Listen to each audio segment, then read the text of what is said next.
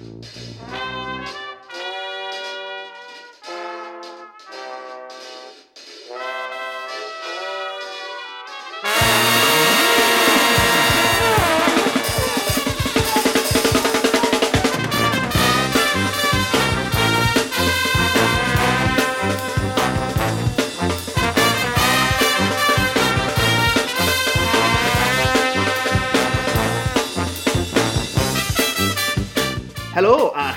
i benod 48 o Ysbeidiau Heilog gyda fi, Llwyd Owen.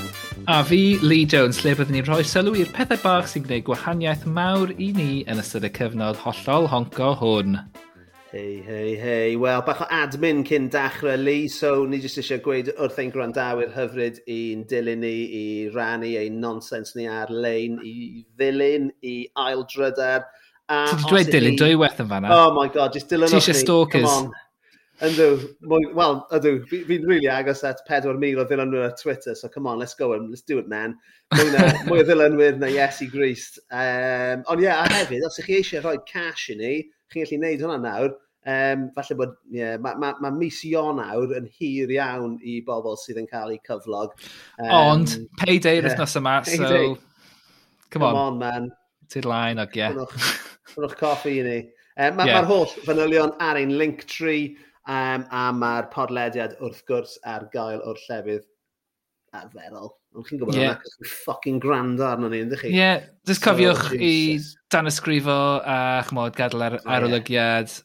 Y fath hynny o beth. Chmod, y pethau yeah. bach ydych chi'n gallu gwneud am ddim sydd yn helpu creuwyr cynnwys annibynnol fatha yeah. llwyda fe de. Yn wir, Lisa's Jones. So, Lee, mae gen i gwestiwn i ti. Wyt ti'n hoffi cerddoriaeth Cymraeg? Wow, wel... y genre yna, y genre byd enwog yna. Dwi yn hoff awr o'r genre hynny. Um, Ie, yeah, dwi wedi cael ambell brofiad da gyda'r genre specific iawn hynny. Ti'n gwybod beth, Lee? Mae yna ddwrnod arbennig iawn yn dod lan wythnos, wythnos nesaf? Ie, yeah, ar y pedwerydd o chwefror, dydd Gwener, y pedwerydd o chwefror 2022, dydd Music Cymru. Nag e? Ti'n fi gadael hyn mewn? Na i hyn mewn. Ie, di Music Cymru. Ie, di Music Cymru. O'n i'n fel, di Music Cymru. Ond na, di ond ddim iawn, di Music Cymru yw e. Hei man, ni ddim byd o'n proffesiynol ar y podlediad yma, ydyn ni. So, um, yeah, so, so dyna, dyna topic ein, uh, dyna pwnc ein uh, cyflwyniad ni heno yw Dydd Music Cymru. So, uh, y basics yw pedwerydd y chwefror 2022, Digwyd Music Cymru. A... Cyfle, cyfle i... Yeah. Wel, cyfle i just...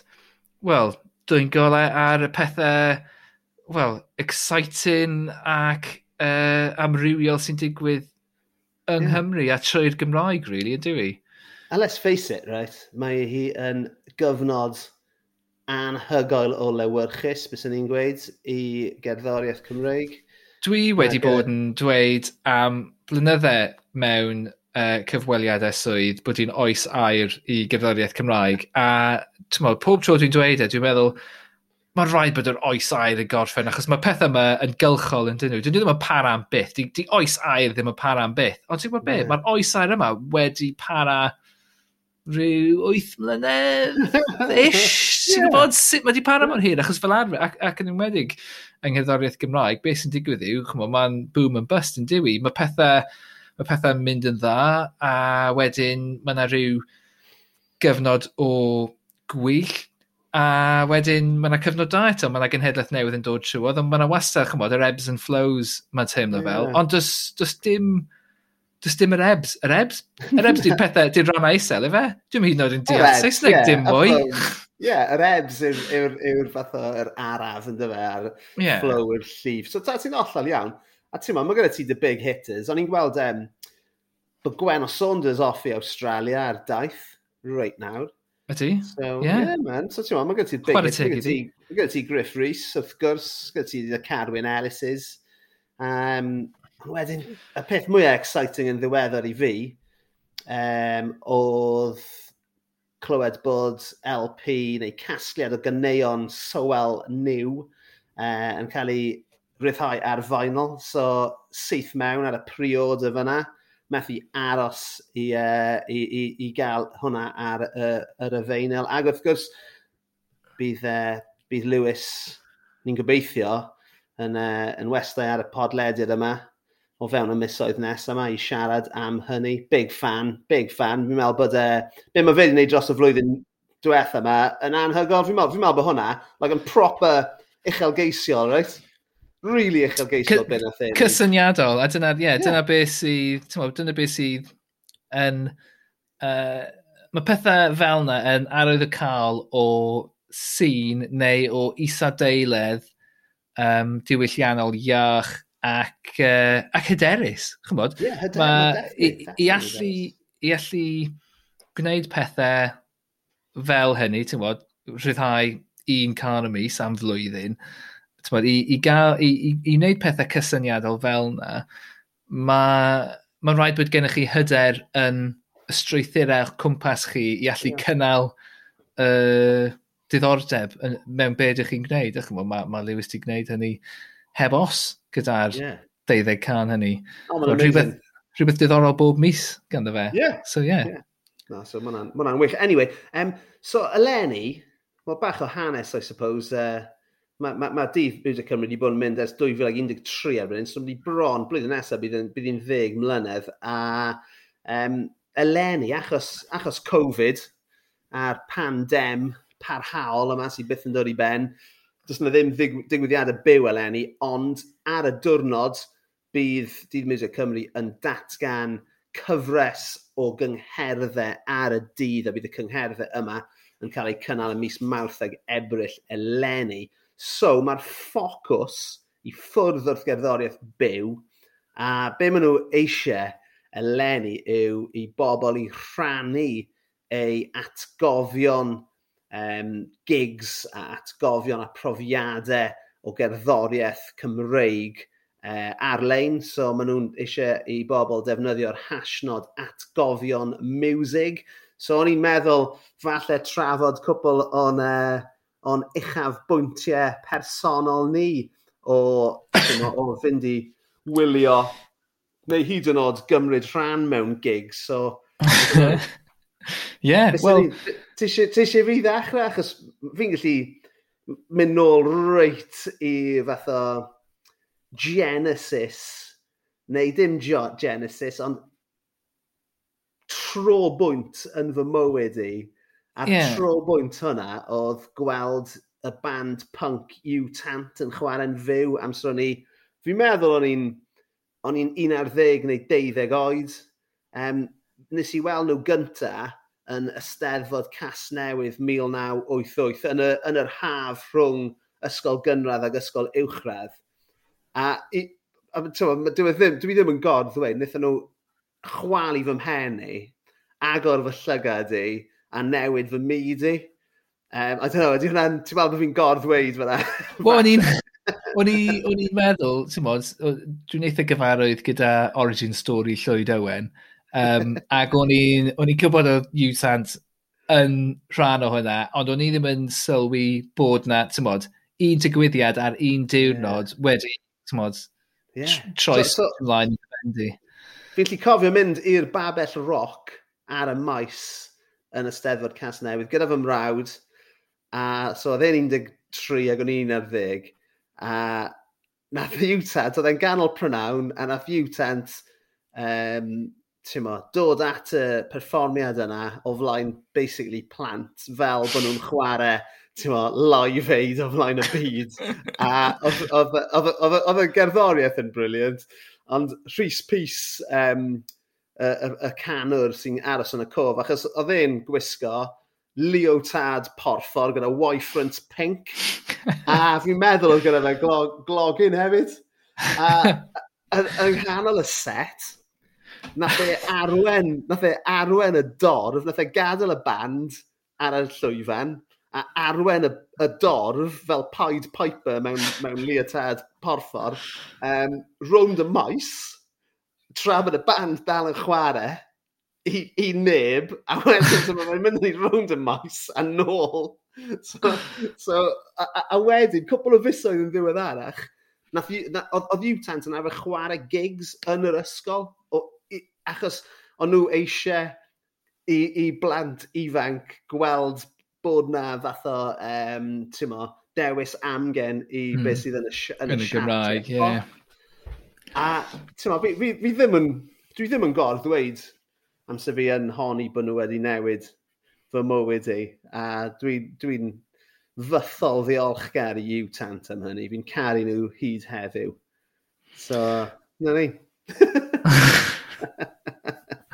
A mae, dwi'n siŵr bod uh, Lisa yn dyfaru hynny hefyd i ryw raddau gyda'r uh, gyda cyn gymaint i ti'n gwario ar recordiau hyd yma. A, a, leotards, a, a, wifronts. a fi gen ti habit o just arwain plant diethyr o gwmpas meisydd. Yeah, mae rhaid, ma rhaid i fi stop i wneud yna. yeah, final warning. So be amdano ti, man? Beth yw, beth yw, hey. beth yw'r yw, fath o atgofion sy'n sefyll allan i ti? Ti'n gwybod be, yn debyg iawn i ti, eisteddfod cas newydd, uh, ond nid 1988, achos oedd hynna cyn i fi cael yng ngeni llwyd. Um, Pryd gys i'n eni? Wel, diwedd mis awst, uh, 1988. No way. So, o'n no i bron yeah. iawn, bron iawn a, a bod. Ond ie, yeah, ond um, sefyl cas newydd 2000 a phedwar, ti'n meddwl ni? Ie, 2000 a phedwar. Oedd um, Maes B yn TJ's am yr wythnos, a dyna'r oh, unig trwy fi fynd i uh, Maes B. Ac um, o'n i wastad yn hoffi Pepla Pew, oh. ond dyma'r dyma unig tro i fi cael cyfle i weld nhw chwarae. Dwi'n meddwl, falle nath nhw chwalu y, y flwyddyn canlynol, ond yeah, gweld Pepla Pew mewn fenyw fel yna. Achos, oedd gen i brofiad, o'n i wedi bod i gigs Cymraeg, ti'n gwybod, o'n i wedi gweld Alan Tadlan mewn tafan ym llun, a ti'n gwybod, yes. y gigs fel yna, ti'n gwybod, mae... Ma yeah, chin strokers. Ie, yeah, ti'n gwybod, ond mae... Ma, mi oedd na, yn enwedig yn y cyfnod hynny, mi oedd na dueddiad i gigs Cymraeg bod yn eitha kind of Dwi'n gwybod, dwi'n gwybod, oedden nhw'n teimlo, ti'n bach yn... Uh, wow, dwi'n gwybod beth yw'r gair dwi'n chwilio amdano fe, ond oedd na rhyw kind of... Dwi'n ddim really teimlo fel gigs go iawn, ti'n gwybod? Oedd e fel... Oedd nhw'n digwyddiadau, ac oedd nhw'n digwyddiadau cymdeithasol, ac oedd na cerddoriaeth y digwydd, ac oedd pawb yna er mwyn cefnogi Cymreictod bron a bod. Yeah, ti'n bod fel, yeah, fel yr un ffordd mae ma pobl yn mynd i gapel. Ti'n bod e fel, o, oh, wel dyma rhywbeth Cymreig mae'n rhaid iddyn ni cefnogi yn ein, yeah, yeah, na, fi'n, uh, yn ein cilch ni. Tymod, oedd gigs, oedd o'na lot, lot o gigs yn, yn digwydd fel yna, chymod, chymod, bwysig iach, chymod, hynod o ddiolchgar fod y gigs yna digwydd, a hynod o ddiolchgar bod pobl yn cynnal diwylliant uh, amgen Gymraeg yn ystod y cyfnod hynny, ond um, oedd Pep Pew yn TJ's yn fucking bonkers. like, achos mae TJ's fel lleoliad, wel, heddwch i lwch, i'w lwch. Um, oedd e'n gret achos oedd e, uh, nenfod just mor isel. Yeah. mor isel. A oedd hwnna just yn cadw pob dim... Oedd e fel, oedd e fel ydych chi really yn... Dwi'n gwybod, oedd e just yn cadw'r um, uh, er awyrgylch i gyd yn, yn kind of... Oedd e mor... Oedd e just yn dense o, gyda'r awyrgylch yma. Achos no. bydd yn enfod mor isel mm, a... yeah. Yn amlwg, ti'n bod, maes bu, llwyth o bobl yna anyway, packed mewn i TJs, a Pepl Pew yn rhoi sioe anhygoel ymlaen. So hwnna, ti'n bod, absolute mind-blowing o gig i fi. Efed, oedd hwnna'n rhan o... I mean, ti wedi sôn am y ffordd nes di ail gysylltu gyda dy Gymreigod. Mm. Oedd hwnna'n rhan o hynny, uh, ti'n bod, y profiad hynny o maes bu a, a gweld... Wel, oedd hynny... Na, oedd hynny, oedd hynny cyn i fi kind of mynd ymlaen a bod, gadael fy Nghymreig dod yn ôl, really. Ah, right, oce, okay, a dod yn um, yn hwyrach. So, yeah, yeah, yeah, ond felly, dod, oedd y dod yn ôl ato fe, dwi'n meddwl, um, mae o gan Gwenol rhan fawr i chwarae yn hynny. Um, a dwi'n meddwl, siarad am yr oes a'r bresennol, mae yeah, dylanwad Gwenol, dydych chi'n gallu gorddweud cymaint o ddylanwad mae hi wedi cael, achos mae hi wedi cael cymaint o lwyddiant um, off gefn ei album hi y dydd olaf, chmod, canu trwy'r Gymraeg, a a'r album yna'n cael ei dderbyn gan gynulleidfa lot mwy eang na just, chymod, y, y, y, y pobl yeah. yng Nghymru sydd yn prynu recordiau Gymraeg. Achos dyna'r dyna, dyna dyna thing, yn siarad am hyn, fel rhywun sy'n gweithio yng Ngherddoriaeth, mae yna mae yna nifer o bobl yng Nghymru sydd yn prynu recordiau Gymraeg a'r un bobl ydyn nhw, dim ots be di'r di genre, mae pobl yn hoffi'r pethau sy'n digwydd yng Nghymru a'r un, yr un bobl ydyn nhw, ond oedd Gwenon gallu torri allan o hynny heb gyfarawdi ar beth oedd hi'n gwneud a ffeindio um, ffeindio cynulleidfa oedd yn derbyn beth oedd hi'n gwneud a, a nid, yeah. nid just fel rhyw o, oh, drwch ar hwn, mae hwn yn quirky, mae hwn yn Gymraeg, o, ti'n bod, ond, ond fel, na, mae hwn, mae gan hwn werth ar yeah. ben ei hun, felly well, yeah, dyna beth nath hi'n neud. O, ti'n bod, fi jyst yn ei crybwyll bod i, mae yna ar daith yn Australia ar y foment, neu ar fi'n yeah. mynd ar daith, a mae'n mae mynd allan yna i deithio gyda un album yn y Gymraeg ac un album yn y Gernyweg. Ie, yeah, yn union. Fi'n gwybod bod ni'n gweithio ar album newydd sy'n bron yn barod o be fi'n fi deall. So bydd e'n really ddiddorol gweld um, cyfrwng ieithyddol hwnna. Dwi, dwi ddim yn gwybod beth i ddisgwyl, ti'n ma? Esperanto? Uh, Wel, ti'n ma, pwy o hwyr yma. Ie, ond... Mae cerddoriaeth i, ti'n ma, ma dyna'r peth yn dyfa. I mean, fel carwr cerdd, hmm. ti'n ma, dwi'n... Dwi, dyw iaith uh, gerddoriaeth ddim yn dod mewn iddi i fi, na i rando mm. ar, ar gerddoriaeth gyda'r canu mewn unrhyw iaith. Dwi e ddim yn, dwi e ddim yn, dwi ddim yn gwneud gwahaniaeth i fi, ond on, on mae yna bobl sydd yn, ti'n mo, o, ti'n mo, fi, fi, mae gen i ffrindiau sydd yn y gorffennol wedi gweithio fi, ond ti'n mo, na, na, na i ddim gwrando ar unrhyw beth, ti'n mo, boed yn Gymraeg neu yn Sbeineg neu yn mm. Almaeneg, beth bynnag, achos maen nhw eisiau deall uh, y, y geiriau. Wel, ti'n mo, i fi, mae cerddoriaeth yn gallu tymo, mynd tu hwnt i ffiniau ieithyddol.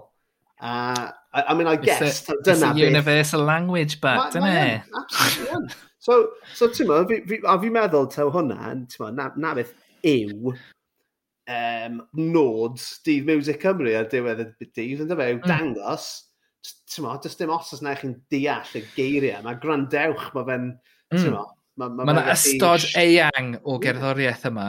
Mae'n gallu, ond on, on, on, mae'r ma teimlad yn gallu trosi yr ystyr yn dywe, heb fod ti'n gwybod be maen nhw'n siarad am. Ah, yn union. Ie, yeah. chi'n gwybod, dwi'n dwi gwrando ar gerddoriaeth yn y car efo Aida, mae hi newid troi'n daim mlynedd oed, a dwi'n gofyn iddi hi, beth yw'r gan yma'n swnio fel? Ydy'r person sy'n canu, ydy'n swnio'n hapus? Neu beth, ti'n mynd i gwrando ar Slayer, ti'n sut mae fe'n teimlo? A mae hi'n dweud, angry. Ond dyma'r thing, ti'n gwybod, dwi ddim yn gwybod be mae fe'n canu. Dwi, dwi ddim yn gwybod bod e'n canu am ryfel a lladd pobl, ond mae hi'n ma hi deall... Dim eto. na, ti'n gwybod?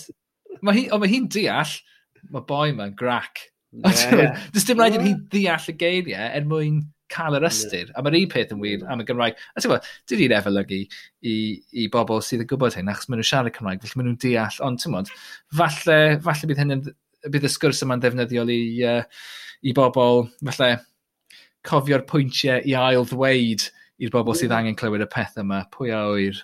OK, then. Beth am uh, cwpl o atgofion arall? Ys uh, ysgrifennu un arall i ni? Oh, wel, uh, dwi dwi'n meddwl, ers, ers i Gweno ryddhau y dydd olaf, dwi'n meddwl falle dim ond un gig yn Llundain mae hi wedi gwneud lle dwi heb fynd i weld. Yeah. Um, ond uh, nath i wneud un gig yn y Globe Theatre. So, yn, mae Shakespeare's Globe, sef yr yeah. ail gynhyrchiad o'r, or Globe Theatre. Wedyn drws nesau hynny, mae gennym nhw Sam Wanamaker Playhouse, sef yeah. um, theatr um, sydd wedi cael ei gwneud i gynllun o'r uh, ail ar bymthegfed ganrif, dwi'n meddwl, neu falle tim bach yn hwyrach na hynny. So mae'n ma, ma eitha clos iawn a mae'r chandeliers efo canwylltu arnyn nhw a pob dim fel yna, a mae'n real intimate experience fath o beth. Ac um, oedden ni yna, um, dyn ni'n, fi yng Nghariad Naomi, dyn ni'n nabod rhywun sy'n gweithio yno, ac oedd hi yna'n siarad efo ni, ac um, yn dweud, oh ie, yeah, mae'r acoustics yma'n amazing, mae'n gallu bod yn eistedd ar un ochr o'r, um, o'r theatr yn Sibryd, a mae pobl yn gallu clywed yn union beth ydych chi'n dweud ar yr ochr arall ohono fe, ti'n mae'n rhyfeddol o le. Ac um, wedyn, dyma Gwenno dod allan i, ti'n just setio fyny cyn ei set hi, ac uh, dyma Naomi just, mwy na lai'n bloeddio, oh, there's your girlfriend, Lee. just, just meddwl, pam ti'n gwneud hynny? pam ti'n fucking gwneud hynny? Ar ôl i ti, ar ôl i ti gwybod bod yr acoustics mor dda. So, um, so os nath Gwenno clywed hynna, ie, yeah, fi oedd hynna, ac ie, uh, yeah. sorry. A ti, ti dal, ti dal ar gael. Um, ond, uh, ond ie, yeah, I mean, mae Gwenno yn, um, yn, yn, yn, yn, yn, yn, yn, yn artist mor arbennig. Nes i, nes i weld i yn, yn tafoel um, 2000, 18 neu 19, um, gyda'r hael yn machlyd tu mm. ôl mm. yn y castell. Oedd yna'n amazing. Um, ond fi, fi eisiau bod yn on, hollol fath o self-indulgent a uh, sôn am dau, dau brofiad personol um, yn 2019 highlight, well, un, un o highlights fy mywyd i oedd cael bod yn rhan o sioe fyw um, iaith y nefoedd gyda'r odds. Um, o'n i'n cael, o'n i, on i ar y llwyfan gyda nhw am un gan fi oedd yn gwneud yr intro i'r set. A, a wirioneddol hwnna, hwnna yw, hwnna yw peak coolness fi. A oedd e'n thrilling cael bod yn rhan o'r, or holl beth gyda nhw. A, ond wedyn, os ni'n mynd nôl uh, i 1995, o'n i mewn band o'r enw mewn band o'r enw Robin Reliant uh, gyda Tom Raybould, Iwan Ap Morgan a Mathonwy Reeves. A wnaethon ni chwarae yn Club Celebrities o Frill um, gyda, um, uh, well, yn ail ar y bil i Catatonia. Um, a y Catatonia just, ti'n ar on the cusp of greatness. Wow. A probably, probably tro diwetha iddyn nhw chwarae yn yr Eisteddfod bys ni'n dyfalu. Uh, achos o fewn blwyddyn, o'n nhw'n, ti'n ma, o'n nhw'n huge, basically. So, uh, oedd hwnna eto, ti'n ma, o'n nhw'n fawr o fewn Cymru ar y pryd, mm. and, yeah, o'n nhw ar y ffordd i fod yn stratospheric. So, ie, yeah, hwnna yw cwpl o, ti'n ma, humble brags, Lloyd Owen, hwnna. Ti yn gyfrifol am hynny? Ie, yeah, nes i definitely helpu nhw ar, y ffordd, ar ei ffordd. so, ie. Yeah. Ond ie, yeah, y pwynt yw, yn dyma, um, i ddod â'r sgwrs yma i ben yw i bawb ymgysylltu uh, gyda'r uh, gyda'r gyda digwyddiad, gyda trwy'r hashnod atgofion music, um, rhannwch eich profiadau, eich atgofion, a ti'n mo, falle treol cyflwyno um, artistiaid neu artist neu band o Gymru i ffrindiau, ti'n mo, di Gymraeg. Achos uh, mae'n mae yna gymaint o bethau da allan yna. Um, mae yna rhywbeth so, yeah. at chwaith bawb yn does. Mae yna, does. Mae yna, dim ond ddim yn ôl ddweud. Swnio fel ystrydau y ffordd, y ffordd o'n i'n i ddweud, e, yn dweud. Mm. Ond, uh... Mae'n yeah. ystrydau am reswm. so ie, yeah. so ie, yeah. Dydd Music Cymru, pedwer, dydd Gwener, pedwerydd o chwefror, ymgysylltwch a helpwch i ledeini y neges yna hefyd. Iawn, wel, digonedd ar uh, y ddau ohonyn ni'n hel atgofion fel dau ddyn mewn tŷ, uh, tŷ gofal. Um, ond uh, beth, beth am y uh, presennol, Llwyd, beth yw'r peth bach yr wythnos yma sydd yn gwneud di'n hapus?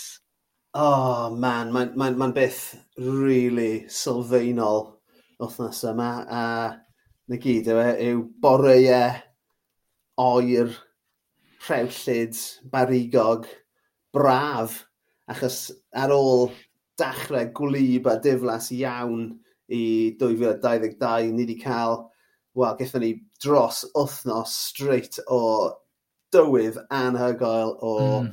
awyr las a um, y, y, y, y wawr, toriad gwawr bob dydd, mwyaf gorgeous, mm. y hmm. lliwiau mwyaf hyfryd, so bob bore Uh, Dwi'n agor y curtains a mae'r ma, wawr. Mae'r wawr. Ti'n defnydd. Dyna, just, just, just digwydd bod ar, ar yr amser cywir.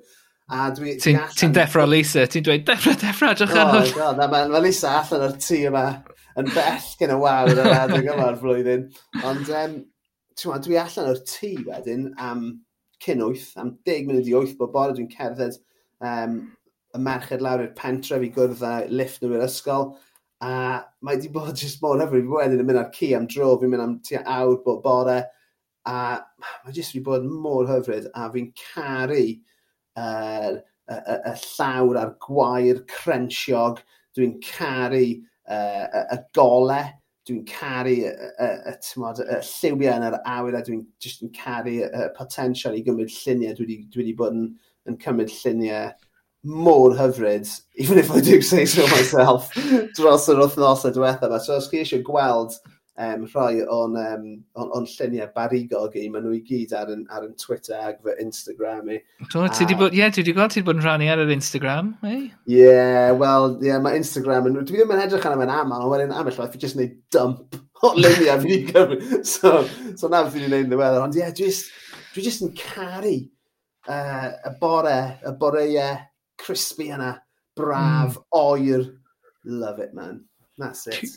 Ti'n ti gwybod pan ti'n pan ti'n cefydd allan trwy drws, os ti ddim yn siŵr am, am y tywydd, yr uh, er eiliad i ti'n cymryd y cam cyntaf yna allan o'r drws, a ti'n anadlu'r yr air yna mewn, yr anadl gyntaf yna, yeah. ti jyst yn teimlo fe, ynddo ti'n mynd ar rhywbeth gwahanol iddo fe, a yeah. ti jyst yn meddwl, oh yeah, neith hwn, Yeah.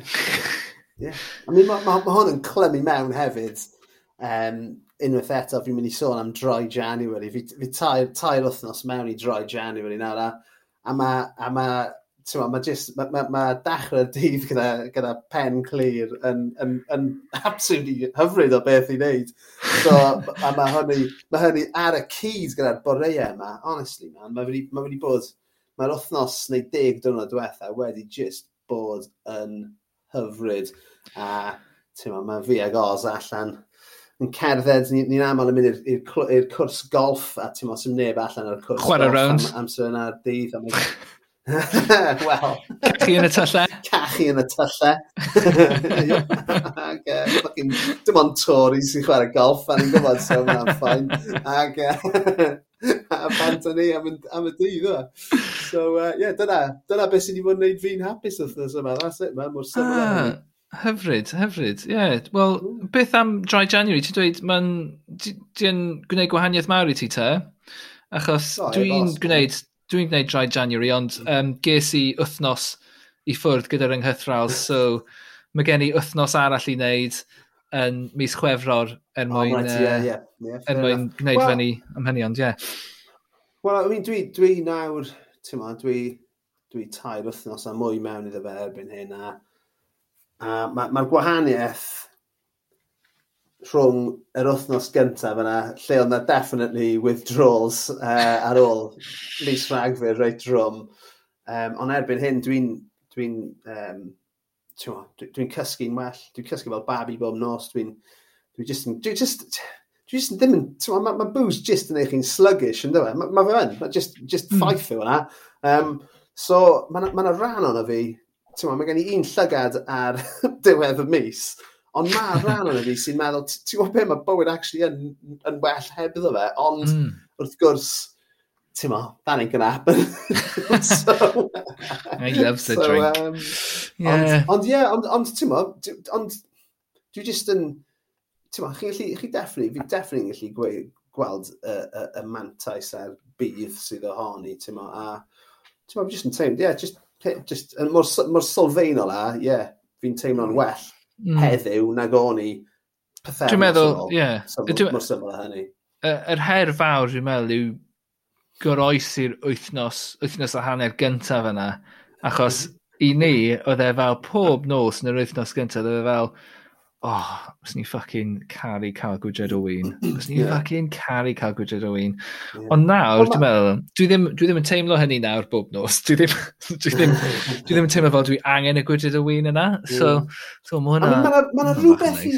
Mae yna rhywbeth, ti'n clywed pobl yn gweud, o, oh, fi, fi wneud dry February yn lle, Achos, mm. ma, ma, fel ti'n gweud, mae'r ma, wythnosau cynnar yn enwedig jyst ar ôl nadolig a flwyddyn newydd, mae yna rhywbeth effernol o blic amdano nhw. Mm. Really, really Oes. blic. So os wyt ti'n ti mynd mewn i hwnna, um, gyda'r uh, er withdrawals yma hefyd. Yn ar, ma, ma, ar teithio dy hun. Ie, yeah, mae yn, mae, mae yn arteithiol. So wedyn, ti'n fi, fi wedi clywed pobl yn gweld, fi'n fi mynd yn sych yn mis chwefr achos, wel, mae yna mm. ma llai o ddyddiau i ddechrau, ond hefyd, mae'r ma ma, ma, ma, ma clociau yn neidio ymlaen yn ystod yr amser yna. Mae mwy o, mwy o oledd... Ydyn nhw yn diwedd chwefr neu diwedd mawrth? Ydyn nhw? Ydw ie, diwedd? Mis Ebrill, ti'n meddwl? Na, ge. Ife? Ydw i'n holl... ie. Achos maen nhw'n mynd, maen nhw'n mynd yn ôl y mis uh, hydref yn dyn nhw. Diwedd hydref i diwedd yeah. mawrth, ie? Yeah. Ife diwedd mawrth, ife? Wel na, chwe mis o so Ebrill. Ond, ond, na, e diwedd yn e mynd yn amser Ebrill. Chwe mis? Way, man. Wel, pob chwe e mis maen nhw'n mynd yn ôl ag ymlaen. Ie, ma fe. Na, diwedd yn chwe mis. Na, Ydy. Pam Mae'n rhaid bod e. Nag e. O, dwi'n gwybod. Diwedd mawrth. Oh, here we go, here we go. Right. ond ond, ond mae'r pwynt, hyd yn oed heb hynny, mae'r pwynt yn sefyll yw bod... Um, Diwedd mis mawrth, ti'n iawn. Diwedd mis mawrth. Ond, ond mae'r pwynt yn sefyll, mae ma, ma, ma, ma diwrnod yn... yn, yn Ydy, ie, mae'n mwy o ole. Mae'n mwy o ole, a mae just yn, ma just yn, yn gyfnod. Mae ma, ma, ma mis Ionawr yn... O, oh, mae'n bleak, man, let's face it. So, ehm, um, Ydy. So, yeah, yeah. mae'r wythnos gyntaf yna'n tough, ond, uh, yeah, feeling good, man. Feeling good. A fi wedi cael fresh, fresh mwl neithiwr, fel ti'n gallu gweld. Oh, so, ti'n meddwl. O'n i'n meddwl oedd ti jyst i colli pwysau, ond na, ti wedi colli pwysau after Bendy. Dwi'n wedi, dwi wedi. Ie, nes i gael mullet fresh neithiwr. Wrth gwrs, sy'n neud, dim ond ti sy'n gweld hwn. Yeah. Dwi ddim, dwi ddim yn gadael y tŷ. So, oh, wel, be ti'n gofyn am pan ti'n mynd i'r uh, barbwr? Wel... A sut maen nhw'n ymateb? Achos mae rhan fwyaf o barbwyr yn gwneud un toriad gwallt i bawb, one size fits all. so rhaid nhw'n kind of stressed out pan wyt ti'n ceddi mewn a gofyn am rhywbeth sydd ddim yn short back and well, sides. I, i, short, i short ddechrau, sides. I ddechrau, um, mae ma, ma hairdresser fi'n dod i'r tŷ i dorri gwallt y tŷ i cyfan. Ti fel rhyw ffucking mam gi yn ffirm yn cael pobl yn dod rhant i edrych ar dol ti. Basically, ie. Yeah. Ond... Mynd i torri dy wallt i heddi llwyd. o'n i'n arfer... o'n i'n arfer... Wel, ti'n ma, fi wedi cael mullet nawr ers 2019, so mewn i'r trydydd flwyddyn o, o mullet. Um, a o'n i'n arfer dangos llun o Hugh Jackman iddi yn y ffilm awful yna. Um, dim District 9, yr un nath e o'n neud ar ôl, y Chappie. Mae'n ffilm absolutely warthus o'n Chappie, ond mae Hugh Jackman yna fe, gyda mullet, a mae fe'n edrych yn amazing. So, o'n i'n arfer just dangos y llun yna i fi a mynd, make When me look them. like Hugh Jackman. ond erbyn hyn, dim angen os mae wedi bod yn neud e ers tair mlynedd i fi, so uh, it's all good, man. It's all good. Hmm. Give me the llwyd. Ti'n dweud, give me the llwyd. Wel, dyna'r peth. Um, dyma, rhaid gweud un stori uh, am fy mwlet i, uh, cyn bod ni'n symud ymlaen. Um, mae ma, ma, ma gen i siop spar lleol, a nes i mewn i'r spar, um, oh, probably, mae probably blwyddyn ers i hyn ddigwydd y tro cynta, um, ond oedd um, bachgen ysgol, bys ni'n gweud bod e'n y chweched, yn gweithio tu ôl y til, so oedd e fyna, oedd e jyst wedi dod â, dal gyda fe um, gwisgo ysgol, e, oedd e jyst i cyrraedd, e, a nes i ddod lan at y til, a nath e just stopio ag edrych arno fi, a nes i, o'n i'n meddwl, oh Jesus, here we go, mae'n rhywun i'n gwybod y piss allan o Nath e just mynd, oh, I love your hair, man. Ac ers hynny, ers hynny, mae fe wedi tyfu mwlet i hunan. No so, uh, way. Uh, yeah, man, fi'n fi dylanwadu ar-lein no. ac yn y byd go iawn. Bloody hell. Trian ar y boi. Mae fe'n edrych yn cool. right then, ni adael fy nonsense i ar un hôl. So, uh, Lisa Jones. Uh, beth sydd wedi bod yn rhoi gwein ar dy wyneb di? Wel, uh, o'n i yn uh, excited iawn, awyddus iawn pan uh, nes i fynd ar Netflix y diwrnod o blaen a gweld bod cyfres newydd yn dod cyn hir o It's Always Sunny in Philadelphia. So, um, yeah, mae ma hwnna, mae Always Sunny wedi bod yn rhoi gwyn ar yn wyneb i yn ddiweddar. Um, achos, wel, well, mae wastad wedi bod yn ffefryn gen i uh, dros y ddegawd diwetha. Ond ie, uh, yeah, dwi wedi bod yn gwrando, mae gennym nhw podlediad, a dwi wedi bod yn gwrando ar hynny, a mae hynny yn gret. Um, achos mae fel... Ti'n cofio, yn yr hen ddyddiau llwyd, Yn yr hen ddyddiau. Yn yr hen ddyddiau, pan oedd pobl yn gwerthu DVDs, ti'n cofio, ti'n cofio'r hen ddyddiau hynny? Yeah. Ac oedd gennych chi fel uh, director's commentary, a mhm. pobl yn siarad am cynhyrchu'r yeah. peth, ydych chi'n gwylio, wel mae podlediad yma fel Director's Commentary i It's Always Sunny. Mae, ma pob penod, maen nhw'n siarad am un penod o'r raglen a dweud dyma beth, dyma beth yn digwydd pan oedden ni'n creu'r so, raglen yma. So, I mean, dwi, dwi ti, ti wedi gwylio popeth, rei, ti lan, mae ti'n mynd i fod yn gwylio'r gyfres newydd, cyfres 15 mm -hmm. hefyd. Fi fi'n meddwl bod fi mewn i gyfres chwech. Fi'n fi gwylio dwy benod yr wythnos gyda um, fy ffrind i Al T. shout out i Al. A, a, a ti'n gwybod, ni, wnaethon ni ddechrau gwylio fe tua blwyddyn yn ôl. So ni'n araf hmm. mynd mm. trwyddo fe.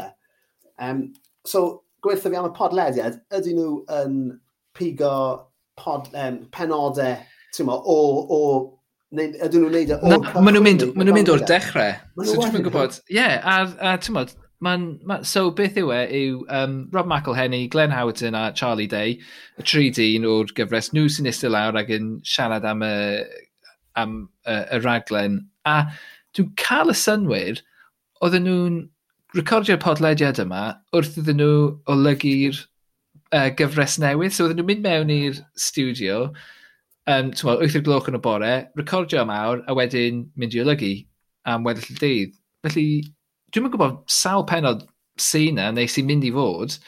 Achos dwi'n os dwi'n mm. gwneud un penod am pob penod sy'n bodoli, bydden nhw yma am byth. Ond y peth sydd yn mm. really taro fi am y peth oedd um, uh, be, be maen nhw siarad am, a, a, a pob dim maen nhw siarad am, y cyd-destun i'r podlediad yw bod y tri ohonyn nhw yn actwyr. A, ti'n bod, nath... Um, nath Glenn Howard yn mynd i Juilliard sydd yn, ti'n bod, mae fel mynd i Rada yn America, ti'n bod? Um, fe sy'n chwarae Dennis, ie?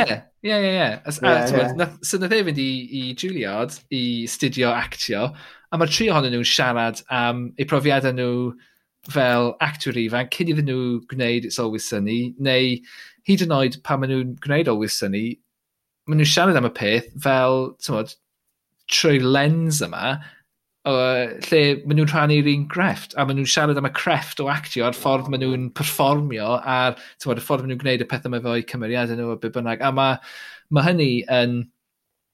Mae'n hynny'n really exciting achos bod, dwi ddim really'n gwybod lot am actio. Dwi'n dwi gwylio stuff a...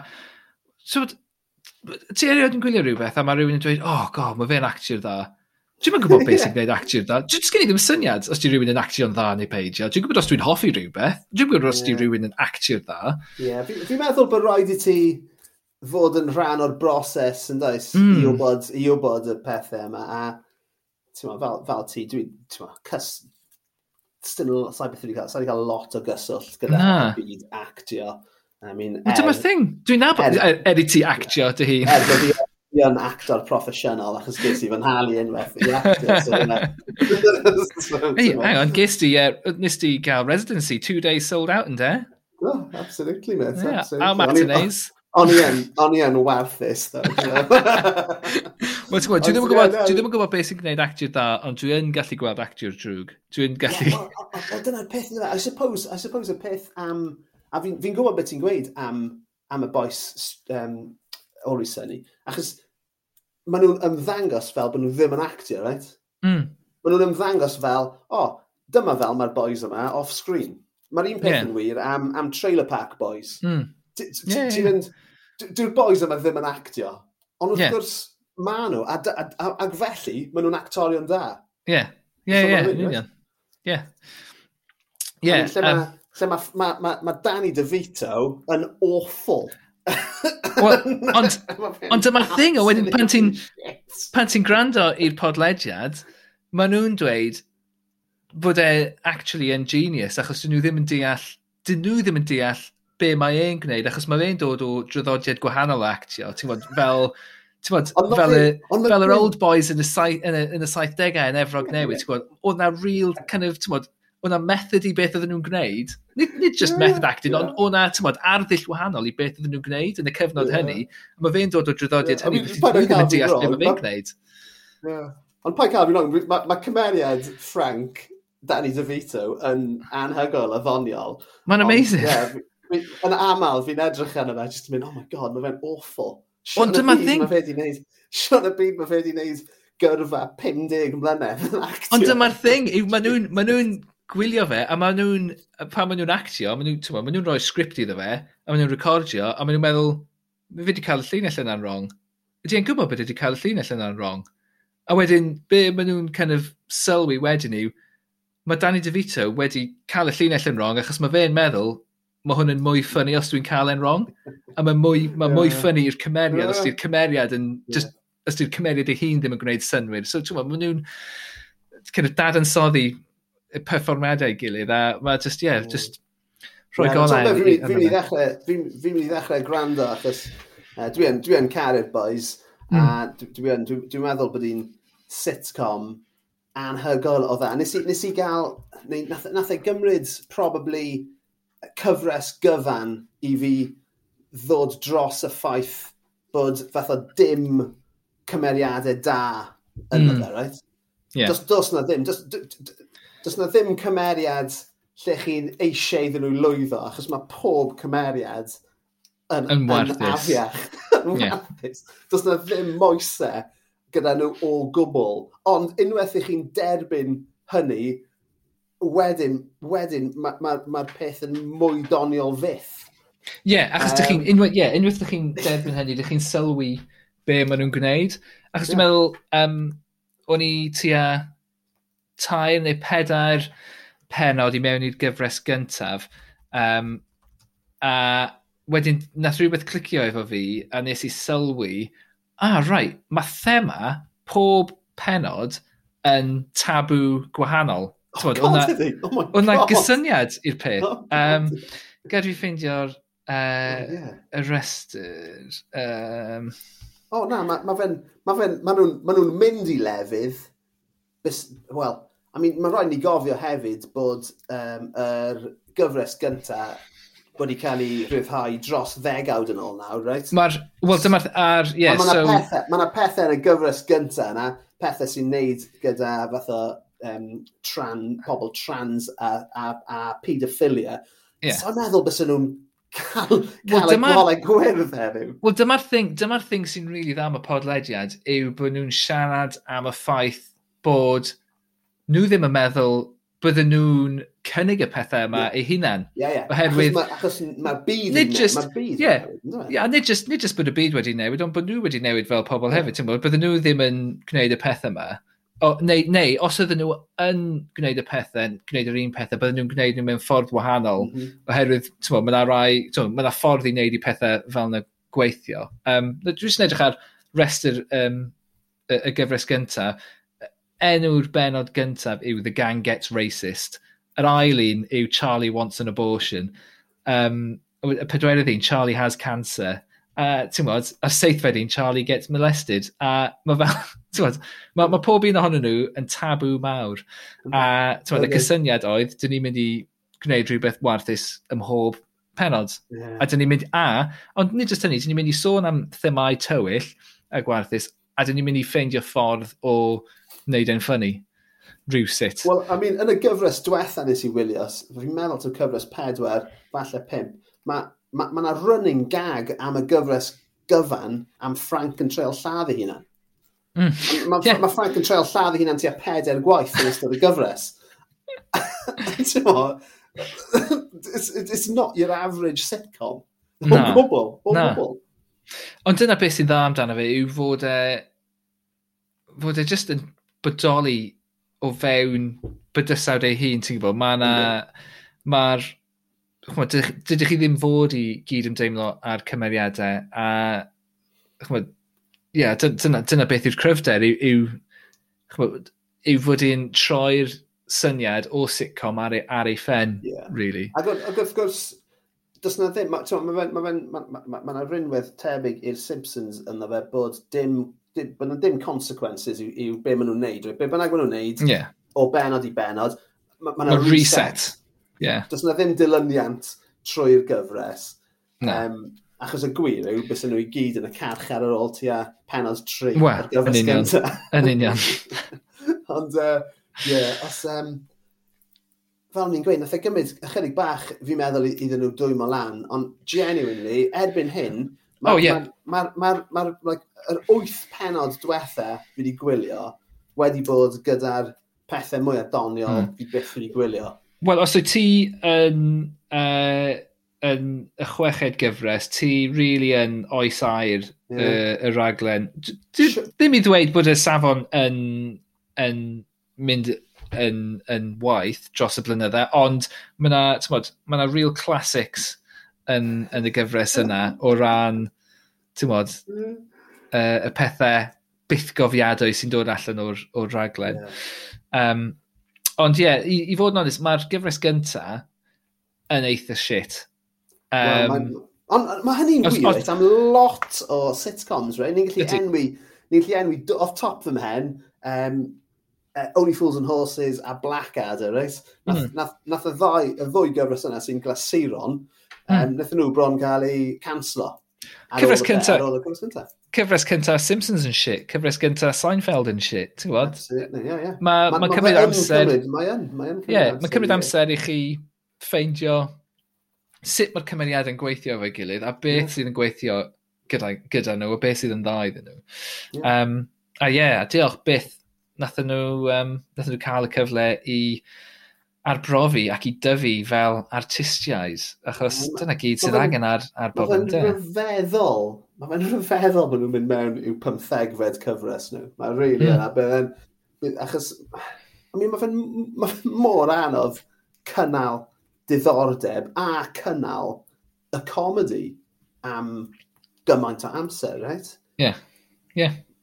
Ie, er, I mean, yr unig, yr unig flwyddyn ers 2005. O na, so, ie, yeah, so 2005 nath nhw ddechrau y gyfres gyntaf, a'r unig flwyddyn i na beidio bod cyfres newydd, um, oedd na, wel, 2014 nath nhw cael blwyddyn off, a wedyn uh, llynedd 2020 nath nhw cael blwyddyn off. A ti'n gallu cyd yn deimlo ag ystyried pam dyna ddim cyfres llynedd Ond, ti'n just, wel, 17 mlynedd maen nhw wedi gwneud yeah, yeah. 15 cyfres. Mae hwnna'n yeah. mental, ydy yeah. Maen nhw wedi gwneud digon o arian i br brynu clwb peldroed shit yn Gogledd Cymru. uh, Wel, ti'n gwybod be?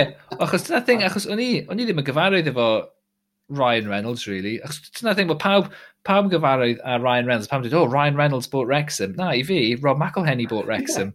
Achos o'n i, dwi'n gyfarwydd iawn efo Rob McElhenney, a well, dwi wedi gweld y ffilms Deadpool, a hanner awr cyntaf o Red Notice, o hwnna'n gach. Ti wedi gwylio hwnna? o, ti'n gallu, ti gallu cael isdeitlau Cymraeg arno fe? Paid ffucking bodd ran. Na. Um, So ie, yeah. well, mae yna reswm, mae reswm mae Ryan Reynolds wedi wneud mwy o arian allan o cwmni gin ag yw e trwy actio. Ie, gin. Ie. Ond ie, na, mae'n Always Sunny, mae'n top, top uh, sitcom, a os na i chi wedi gwylio hi, mae fi a Lee yn argymell yn fawr yn dyn ni. Mae'r holl beth ar Netflix, cer amdani. Right.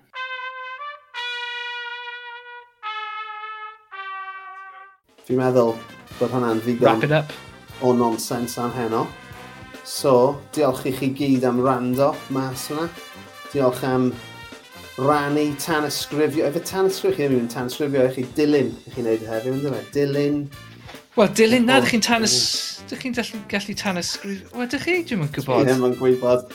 Fe bynnag, jyst gwrandewch, gwedwch wrth eich ffrindiau. Efelyngwch. A yeah. ni weld chi wrthnos nesaf gyda gwestai ah. arbennig arall. Short and sweet. Nice one, Llywyd.